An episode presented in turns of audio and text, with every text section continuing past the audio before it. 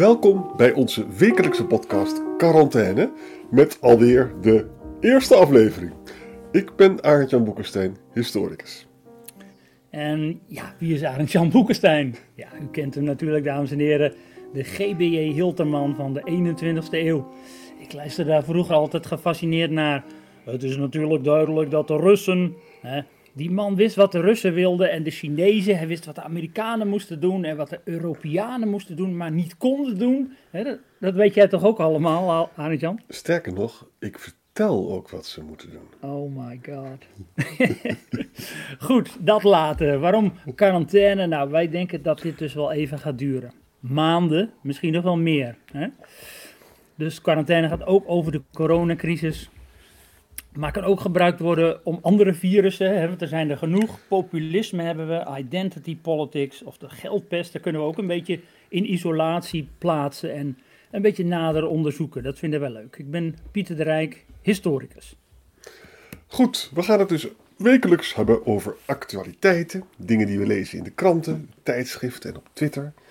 Maar soms wijken we ook van de actualiteit af, omdat we ons graag terugtrekken met boeken. Wij houden namelijk ongelooflijk veel van boeken. Ja, en dat is in wezen ook een soort vorm van zelfisolering. Hè? En tegenwoordig is dat heel sociaal. Wees sociaal, ontloop elkaar, lees een boek. Dat is ontzettend geschikt daarvoor. De eerste uitzending kan natuurlijk over niets anders gaan dan over corona. Maar we hebben ook een gast deze week. En we hebben elke week een gast.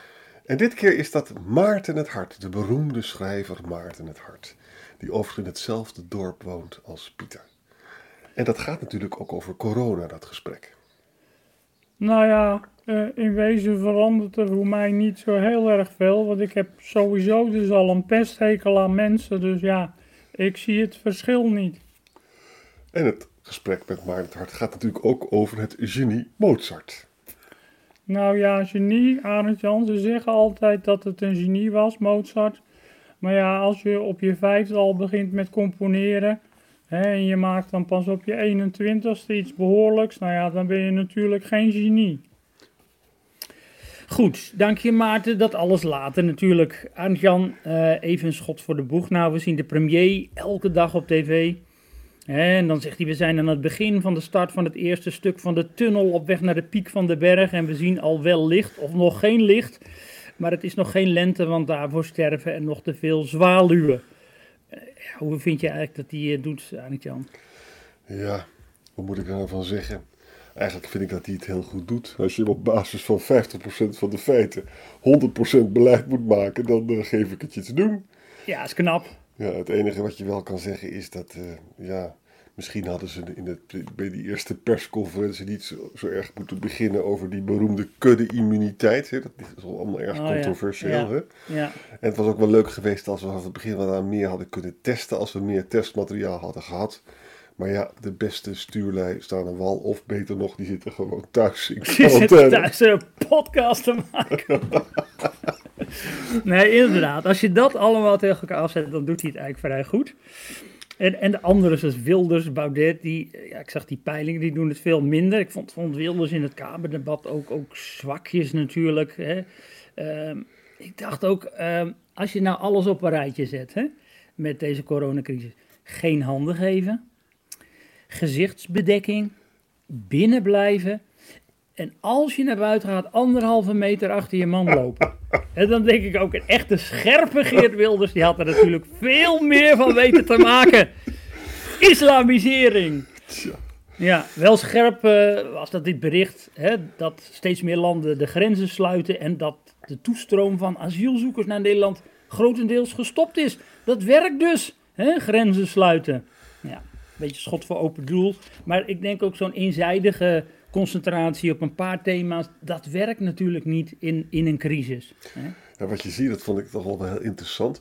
Wilders en Baudet waren heel duidelijk uh, zich aan het profileren in de hoop om electoraal uh, te scoren. Hè? Ja. En dat is nu gezien de peilingen eigenlijk dramatisch mislukt. De VVD staat ja, pardoes op 36 zetels. Zo dan. Ja.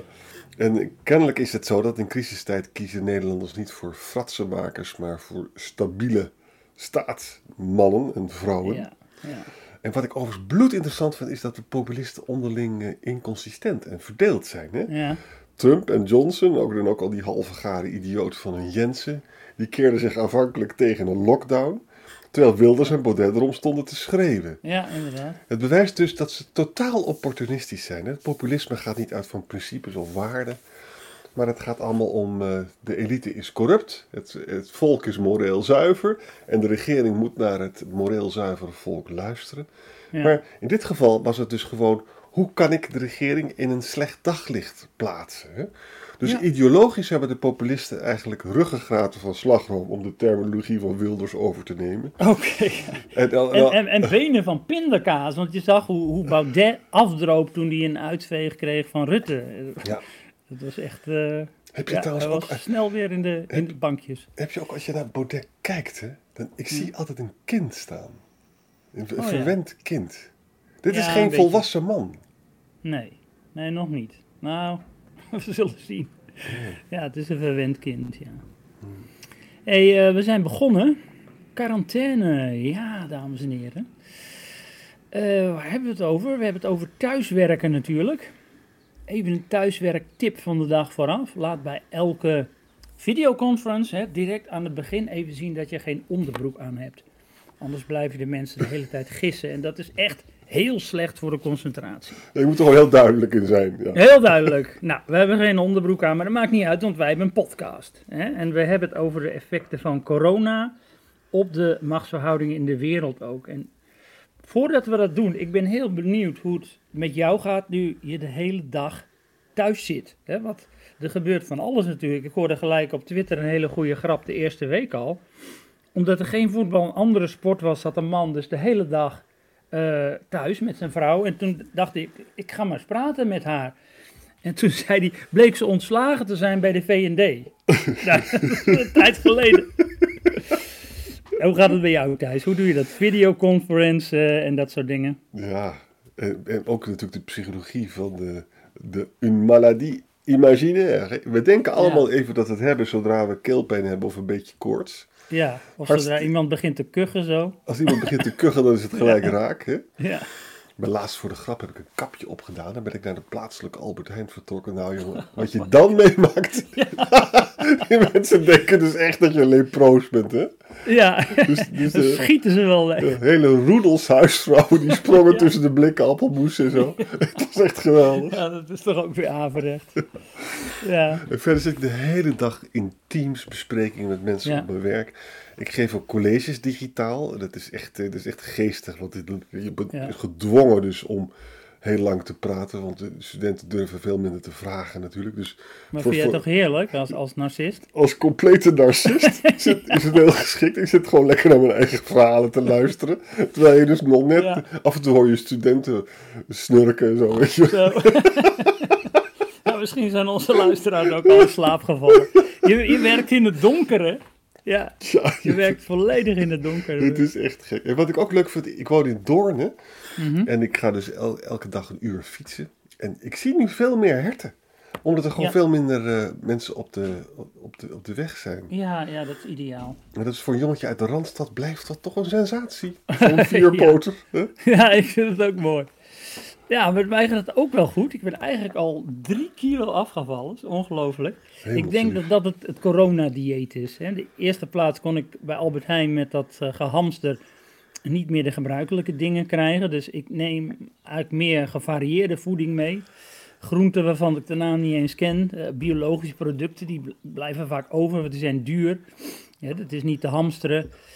En nu kom ik er ook achter dat ik eh, afval omdat ik niet meer op de stations ben. Dus er is geen triple chocolate cookie meer. niet van die decadente broodjes van eh ciabatta, Thaise bio-kip met honing, yoghurt, muntsaus en, en Grieks-Cypriotische veldsla en zo.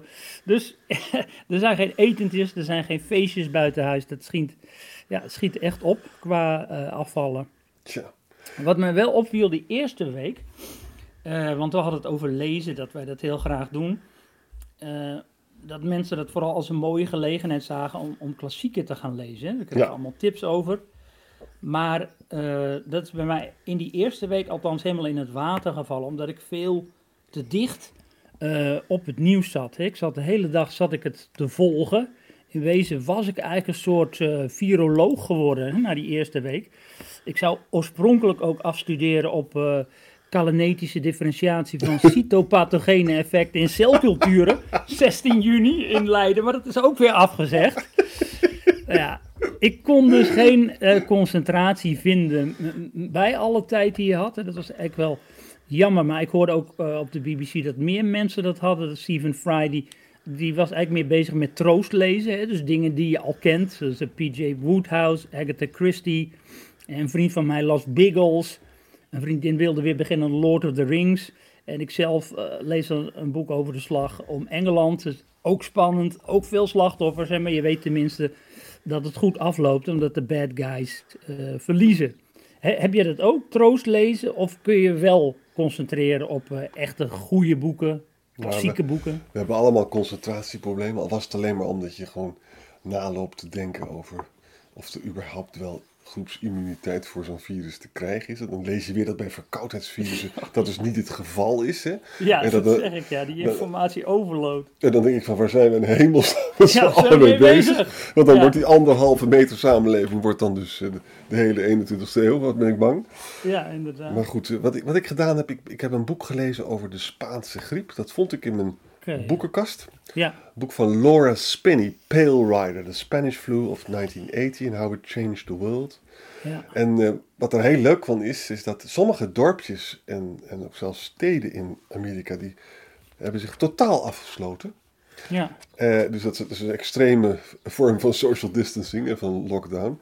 En die Ja. hebben inderdaad dus eh, nauwelijks last uh, gehad. Hè? Dus Ja, inderdaad. je ziet dus dat Hey, het werkt. Ik wilde dat ook gaan lezen, ja. En Ik, ik heb het even heel eh, fragmentarisch eh, op eh, Wikipedia benaderd. Maar ik zag dus inderdaad 50 tot 100 miljoen doden. Dat weten ze niet eens. En het is ontstaan waarschijnlijk in Amerika. Dus als we Trump zouden volgen, zouden we dat dan de echte Amerikaanse griep moeten noemen. Hè? Dat is een Ja. van de mogelijkheden dat het daar is ontstaan. In Ja. Kansas, geloof ik.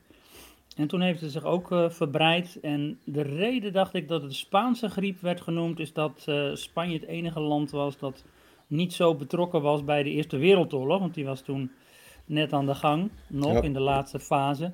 Eh, het was het enige land waar ze die griep mochten benoemen. Want de rest van die landen die hielden een soort Chinese strategie op na. Van, of, of Tajikse of Wit-Russische strategie. Het bestaat niet. Hè, China in het begin toch ook gedaan. Ja, het is afschuwelijk het verhaal. Hè? En met name dus de soldaten die klaar werden gemaakt om dus naar de loopgraven te gaan. Ja, Die, die staken elkaar dus aan. En Ja. ook bij terugkomst gebeurde dat. Hè? ja precies. En dan kan je dus nu, nu wordt er toch wel wat beter gereageerd dan in, eh, dan in 1918, kan je Nou, zeggen.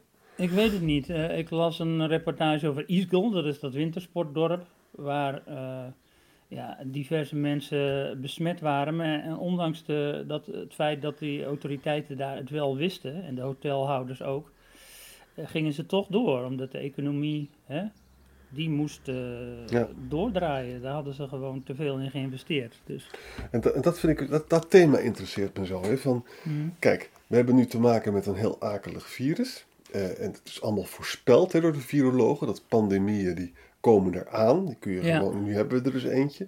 ja, Er kan er, in de toekomst kan er dus ook eentje komen die en heel besmettelijk is.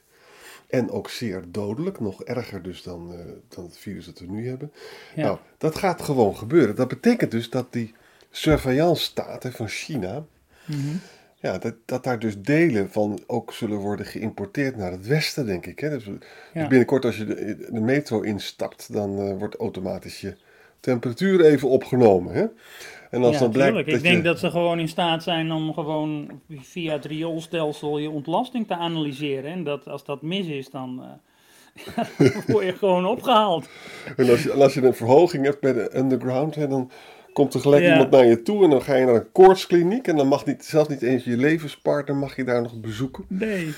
Nee, ik hoorde zelfs dat ze daar bejaardenflats gewoon hadden dichtgelast. Dat is toch iets anders dan, dan, eh, dan wij hier doen. En wat ik natuurlijk ook een beetje hergelezen heb, is dat fantastische boek van Albert Camus, Nobelprijswinnaar hè, van literatuur.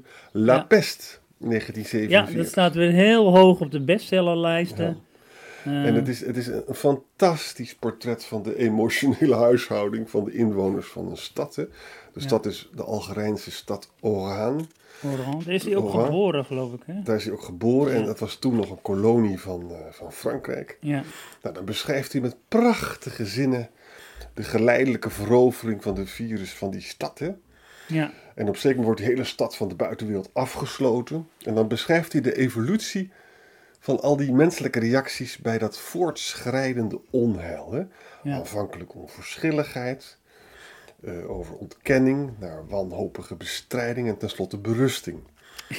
En als eindelijk na bijna een jaar hulp komt vanuit Parijs, loopt het aantal doden terug en wordt de quarantaine. Ja, Opgegeven. daar is het weer. Quarantaine. Ja. Ja. daar is hij weer. Het is een prachtig, eigenaardig, zwaar, maar ook nuchter verhaal. Prachtig geschreven, heb ik al gezegd. Hè? Mhm. Heel Ja. nonchalant worden alle belangrijke personages geïntroduceerd. Het is eigenlijk een beetje een theaterstuk is het. Ja. Met mooie zinnen, sprekende beelden.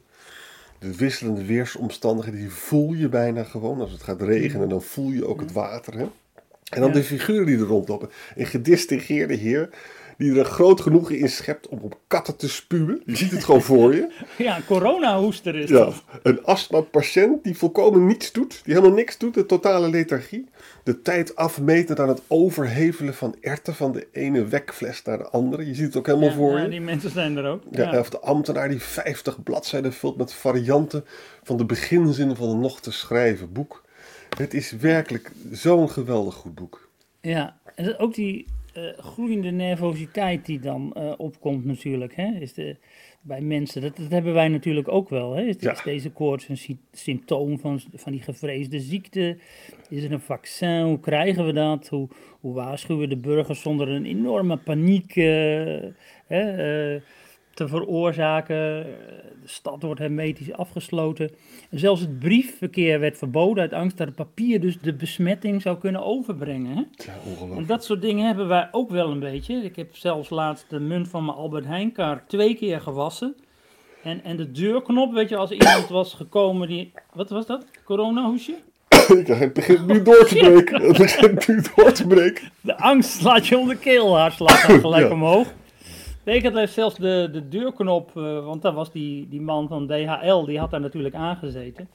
Die, eh, die heb ik ook met glassex bewerkt. Hè? Dus de, de sfeer van paniek en nervositeit en, en ook denken inderdaad dat je het hebt. Hè? Dat heb ik al drie keer gehad, joh. Dat ik al op het punt stond om eh, hè, naar de, de huisartsenpraktijk te bellen. Tja.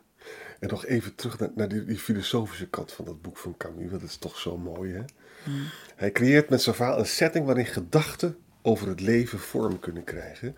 Zijn hoofdpersonages worstelen letterlijk met de dood, Ja. maar figuurlijk natuurlijk met het of hun leven. Ja. En dat gaat gepaard met gedachten en diepe inzichten. Het klinkt misschien wat pompeuzer dan het is, maar ik word geraakt als een boek echt iets weet te zeggen, zoals hier. Hè. Het gaat natuurlijk over de vraag, die Camus wel vaker bezighield: waar leef je voor als er niets is om voor te leven? Het existentialisme natuurlijk, waar Camus in geloofde. Je wordt geboren, je begrijpt er niks van en je gaat weer dood. De absurde mens. Ja, altijd als ik dat las, dacht ik, dat is mij een beetje somber, die hele sfeer van het existentialisme. Ook als mode, weet je wel, zwarte kooltruien, relaties hebben geen zin. Het is allemaal onmogelijk voor mensen om elkaar te begrijpen. En eh, weet je wel, het, het is de toestand na de dood van God. Je moet zelf een verhaal maken. Je bent dan als een soort Sisyphus die elke dag weer die rots naar boven eh, wentelt. Ik zie dat zelf meer als een soort vrolijke taak, als een soort eh, vrolijke wetenschap. Ik ben iets meer optimistisch, maar ik weet niet of dat terecht is natuurlijk. Het grappige is dat in- die eh, roman van Camus Mhm. is het uiteindelijk zit er ook iets positiefs in. Hè? Het gaat namelijk het gaat over het absurde natuurlijk van de 20e eeuwse samenleving. Maar het wordt ook afgezet of eh, gecompenseerd tegen een persoonlijke moraal van Ja. vriendschap en menselijkheid die er ook soms is. Hè? Ja. Eh, in, En in het de- einde is dan toch tamelijk optimistisch over wat je van plagen kunt leren. ja, En, eh, en dat er eigenlijk in mensen toch meer te bewonderen dan te verachten valt, zoals hij het zegt. Hè? ja, En, en dat zie je dus ook in Nederland wel. We zijn allemaal ontzettend individualistisch, maar die behoefte aan het helpen van mensen, die is er duidelijk. Hè? Mensen komen bij elkaar langs Je gaat even kijken hoe de buren het maken. Niet alles is zwart, beste Pieter. Niet alles is zwart. hè? Dat maken we nu mee. Maar wat mij de eerste week wel pessimistisch stemde, dat ik dacht, wat een shitwereld leven we in. Hè? Dus China probeert zo lang mogelijk de uitbraak van het virus geheim te houden. Rusland die grijpt het eigenlijk aan om hun desinformatieoorlog nog verder op te voeren. En in de Verenigde Staten bagatelliseerden ze eerst de crisis en verkochten ze vervolgens snel hun aandelen. Hè? Om nog maar te zwijgen van die gek in Brazilië of wat er gebeurde in Hongarije met het terugdraaien van de democratie voorlopig. Hoe, hoe kun je als Europa daar nog een eh, je in houden? Hè? Tja. Een crisis geeft altijd inzicht in wat de grote mogelijkheden nu echt in hun schild voeren. Hè? Mhm. Voor Trump geldt eenvoudigweg het principe America first. Hè? Hij koopt gewoon, hij probeert een vaccin op te kopen en allemaal dat soort dingen. En dat gaat hij natuurlijk niet delen met Europa. Hè? Nee, nee. Dat is echt ongelooflijk. Hè? Merkel schijnt er eigenhandig een einde aan gemaakt te hebben aan zijn eh, Ja, ja. bod van 1 miljard voor een Duits Ja, bedrijf. ja. Hè? Ja. En verder zie je ook hoe onvoorstelbaar incompetent Trump eigenlijk is. Hè? Eerst zeggen dat het een hoax is. En dan nu op tv bijna huilend toegeven dat er misschien wel honderdduizenden of nog meer Amerikanen gaan sterven. Het is onvoorstelbaar. Maar Trump is ondanks al deze onzin populairder dan ooit. Hè? Ja. En het is ook zo doortrapt. Hij overdrijft nu het, vermoedelijk het aantal verwachte doden. Ja, ja. Zodat hij straks kan zeggen: Ik heb het eigenlijk heel erg goed Ja, gedaan. dat is goed gedaan. En dan, wat mij ook fascineert is die Dr. Fauci, Tja. eh, die daar altijd bij staat. Die, die deskundige, de viroloog, die, die staat er eigenlijk bij. Ik denk dat vrouwen dat heel goed herkennen van een intelligent en gevoelig iemand... eh, die zijn hekel aan die lul van een echtgenoot niet echt helemaal kan verbergen, zeg maar. Dat, prachtig spektakel. Ik vind die persconferenties met Trump, die duren vreselijk lang. Het Ja. doet me altijd een beetje denken aan een film van Fellini. Alles is theater geworden. ja, inderdaad. Het gaat, Ja. helemaal, het gaat nooit om de inhoud. Het gaat altijd om de Nee. vorm. En, Ja, en ik ben de allerbeste en ik ben geweldig en ik los alles op en zo. Het is, en het, is zo makkelijk eh, gewoon door te prikken. Ja, en ja, het is toch- nog een stadium verder dan... dan Ja, eh, ik word hè? er overigens ook een beetje depressief van. Dat betekent Ja. dus gewoon dat Trump heeft die dagelijkse persconferentie. Hij heeft dus eh miljoenen publiek. Ja. Die arme Biden, die probeert zijn, eh, Die zijn in laptop... de kelder van zijn huis met een haperende laptop. En de keer dat hij op de tv was, begon hij te hoesten. Ja, Dat was heel tragisch. sorry, sorry. Het is toch... Het is toch maar dat mensen Verschrikkelijk, intrappen, dat, wat, dat, wat zegt dat Ja, nou over de mens? Ze zeiden ook, hij, hij was niet zo populair als hij had kunnen zijn. Hè, sommige van die presidenten of, of leiders halen, die schieten dan naar de 70% of zo. Dat had hij helemaal niet. Dus dat, maar dat vond ik ook het enige lichtpuntje. Tja. En dan zie je wat Poetin doet. Hè. Die, gaat, die desinformatiecampagnes die worden alleen maar geïntensiveerd. Hè. Ja, Eh, en hij gaat natuurlijk ook eh, gauw even hulp geven aan Italië. Hulp, eh, waar, ja er zat helemaal niks in in die er zat helemaal niks in die doos. rommel. Ja. De Chinezen stuurden ook allemaal rommel. Die mondkapjes die Nederland kreeg, die moesten gewoon allemaal weer weg. En China doet hetzelfde. Hè. Ja, En, die, en die, en die doktoren die zaten ook in die vliegtuigen. Maar die zitten inmiddels allemaal weer terug in China, heb ik begrepen. Hè. Nee, die mondkapjes deugden niet. Ze hadden Ja. tests ingestuurd naar ons die, de, die, die een eh, betrouwbaarheid hadden van 30%. Tja. Nee, dat is ja, pure propaganda. Ja, het is echt ongelooflijk. Ja, daar moeten we wel voor oppassen voor dat, eh, dat China, zeg maar. En het beleid is heel verschillend binnen Europa. Hè. En, dus, en dus gaan de grenzen natuurlijk dicht. Maar ik vond dat juist mooi. Hè? Ik weet dat jij daar anders over denkt. Ik, ik ben ook wel een voorstander van Europa, maar je bent echt een fan van Europa. Je vindt dat ze veel meer moeten doen. Maar ik vind het juist mooi dat elk land toch eigenlijk op verschillende wijze heeft gereageerd. Op een wijze die past bij de bevolking. Hè? Dus in Nederland heb je een intelligente lockdown. Een soort eh, tolerante repressie. En dat past heel goed bij de Nederlandse bevolking. Dat, dat heeft Rutte dus denk ik goed ingeschat. En in Zweden doen ze dat ook, maar dat betekent wel natuurlijk dat er geen eh, beleid is. En dat kan er inderdaad toe leiden dat die grenzen dicht moeten. Als we allemaal hetzelfde beleid hadden, dan hadden de grenzen misschien helemaal niet dicht gemoeten. Maar weet je, je hebt het punt hoor. Je je zegt gewoon van nazistaten moet je Die hebben hun eigen cultuur en die mogen ook van elkaar afwijken. Het probleem is, grensoverschrijdende problemen kan je het beste aanpakken met grensoverschrijdende samenwerkingen. En Mm. nu is het dus zo dat we, dat we mondkapjes voor elkaar lopen weg te kapen. Ja. Dat is natuurlijk toch wel heel erg treurig. En bovendien is het ook, ja. is het ook is munitie voor alle populisten. Die zeggen, zie je wel, ze, we geloven toch niet in het project en zo. Hè? Overigens moet het ook niet overdrijven. Is wel Nee, maar het laat degelijk. wel een heel reali- realistisch beeld geven. Het, het laat wel zien wie we zijn. Net als bepaalde individuen gaan hamsteren. En dat zijn ook menselijke eigenschappen. En die nazistaat die komt natuurlijk nu toch weer terug. Omdat ze ook zien dat is de enige die ons kan beschermen. Want Ja. Brussel die komt niet binnengevlogen om ons te beschermen. En die hele globale economie die doet dat op dit moment ook niet. De nationale staat die, die blijft over. Maar er zijn ook andere verhalen. Op een gegeven moment heeft had de Europese Commissie had dus een Europees project om allerlei producten te kopen, collectief. Hè? Ja. En daar konden de Britten ook nog aan meedoen. Nou, dat heeft eh, Boris Johnson, die misschien toen al door corona werd geplaagd, eh, heeft, geen handtekening onder een mail gezet of een mail ingeslikt. Maar in ieder geval, Ja, het was dus te laat. Ja. En, eh, dus het is wel degelijk zo dat, dat eh, de Europese Commissie dingen doet hoor. Maar ik Ja. vond het, vind het wel pijnlijk om te zien dat dat zo traag op gang komt. Aan de andere kant, ja, Nou ja, ze hadden het niet aan de grote klok gehangen. Want ze hebben toen Ja. pas die Chinezen en die, en die Russische kolonnes die je toen zag, toen hebben ze gezegd, ja maar luister even, dit hebben wij al lang naar Italië gestuurd. Hè? En, en, Ja. en Duitsland neemt ook patiënten uit Italië op en uit Nederland. en uit Dus, Nederland. Ja. Bedenk ook dat gezondheid is een bevoegdheid van de nationale staat. Hè? Dus je kunt dat de Europese Ja. Commissie ook niet kwalijk nemen. Nee, nee. Nou, we zijn benieuwd hoe ze daaruit uit gaan komen natuurlijk. We hebben het zo meteen nog even over, eh, over die financiële hulp. Maar voor ons nog even dat het probleem met die IC, eh, IC-bedden is, lijkt opgelost. Ja, dus we hoeven niet te gaan kiezen tussen de bejaarden en de economie.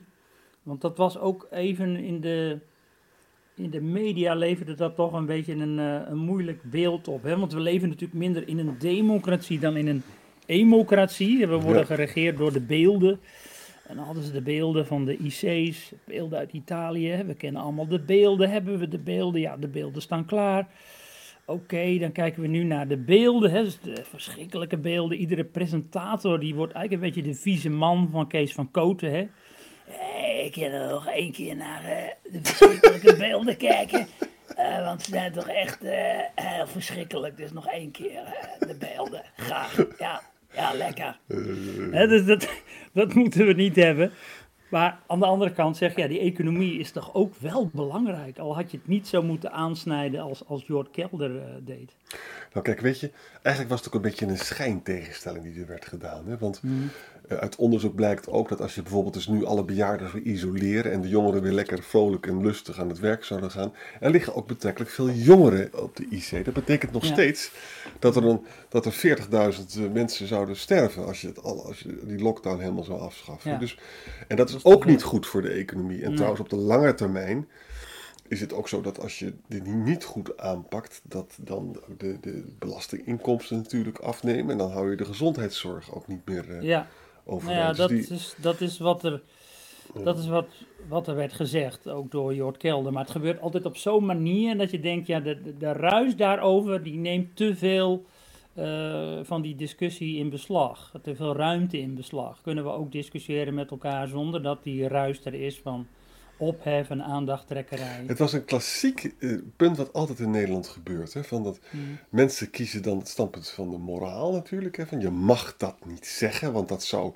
nadelig kunnen zijn voor een bepaalde bevolkingsgroep. In dit geval dus de bejaarden. Ja. Terwijl er natuurlijk wel degelijk een spanning bestaat tussen bevolkingsgroepen. Als het zo is dat Ja. één bevolkingsgroep groter wordt geraakt dan andere.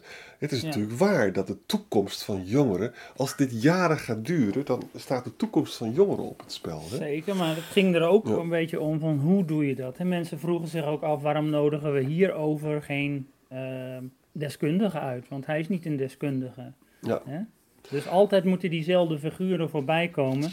En je zag het eigenlijk ook een beetje met eh, eh, Andries Knevel. Die had het ook weer over die graanschuren die niet opengezet moesten worden voor mensen die niet gewerkt hadden. En dat leek ook een beetje op die opmerking van Hoekstra over die eurobonds. Hè? Dat is toch niet zo slim eigenlijk. Had ze gewoon achter de rokken van mama Merkel moeten verschuilen. Hè? Dus mijn vraag is ook, waarom doen wij dat? Hè? Dus die, eh, die zalm hadden we natuurlijk, die in Italië al Il Duro werd genoemd. Hè? Dijsselbloem, weet je nog wel, dit had over landen die al hun geld aan drank en vrouwen uitgaven. En die landen die wisten wel wie er bedoeld werden. En nou, Hoekstra weer, waarom spelen we altijd de mier tegenover de krekel? Hè? Ja. Waarom doen wij dat? Weet je, eigenlijk is het zo, je kunt politiek scoren in dit land, en dat is al heel lang zo, als je principienethiek bedrijft. Hè? Dus dat die gaat uit van principes. En Ja. ongeacht de golven, je bent een gevolgen, je bent een goed mens. Mensenrechten, vrijheid, democratie en iedereen gelukkig. Hè? Terwijl er sommige Ja, mensen zijn. dit- ja, ja. Sommige mensen zijn er die zeggen ontwikkelingshulp, ja, dat leidt ook tot hulpverslaving. Dat is een gevolg. Hè? Dat heb jij gezegd. en dan ben je een slecht mens. Dan ben je een heel boek over erg- geschreven, toch? Dan ben je een heel erg slecht mens. Ja, ik begrijp waar je heen wil. En, en, en Hoekstra wilde, zei nu bijvoorbeeld, en daar had hij natuurlijk gewoon een punt, van als je, natuurlijk moeten de Italianen geholpen worden. Ze zijn veel erger getroffen dan ons. Maar ik schenk het liever dan dat we een, st- een, een, een, staatsschuld gaan delen. We gaan niet Ja, hun maar in dat, hypotheek zat, in dat potje zat 1 miljard. Daar hebben, die, daar hebben de Italianen natuurlijk niet genoeg aan. Hè? Nee, maar dat- het komt natuurlijk nu uit dat we via dat beroemde EMS-fonds, met bepaalde voorwaarden, ESM. kunnen, kunnen ze het ESM, sorry, kunnen, kunnen Ja. ze dat gaan lenen.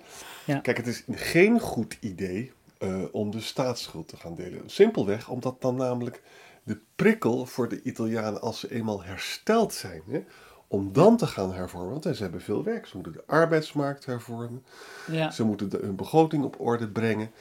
Eh, ze moeten eh, de, eh, nog veel meer concurrerender worden. Dus ze moeten toch, eh, ben ik bang, eh, hun lonen ook eh, soms een bepaalde, voor bepaalde dingen verlagen. Ja. En ze hebben corruptie en ze hebben belastingontwijking. Ga zo maar door. ja, maar dit was ook toch weer een beetje die ruis waar ik het over had. Dit was eigenlijk hetzelfde wat Jort Kelder deed. Het was hetzelfde wat onze EO-vriend deed. Ja, En hij deed dat ook weer. Het is gewoon een PR-blunder, waardoor je de discussie eigenlijk vertroebelt. Hè? Dus eh, Ja. de Italianen willen nou geen tulpen meer van ons. Je krijgt een ruzie, je krijgt ophef. En Ja. dat is eigenlijk niet nodig. Je kunt dat ook anders zeggen. Hè? Ja, maar je zou- een punt hebben en, en maar, niet je- maar, wat je zo even, bot zijn. maar ter verdediging van Hoekstra, want dat vind ik dan Mhm. toch wel echt interessant. Er stond een ontzettend slecht stuk in NRC Handelsblad eh, vandaag. Van Philip van Witteloos Tuinen of zoiets. En wat hij doet, hij belt dus een paar Duitse diplomaten, heel lui, thuis vanaf de canapé, corona risicovrij. Conference video. En, die, en die, eh, die, die denkt dan dat die diplomaten hem zelf gebeld hebben. En die zegt Oh, dan van, oh, wat is Ja. Hoekstra dom geweest en zo. Hè? Terwijl Ja, dus ja. Duitsland hetzelfde standpunt heeft. Hè?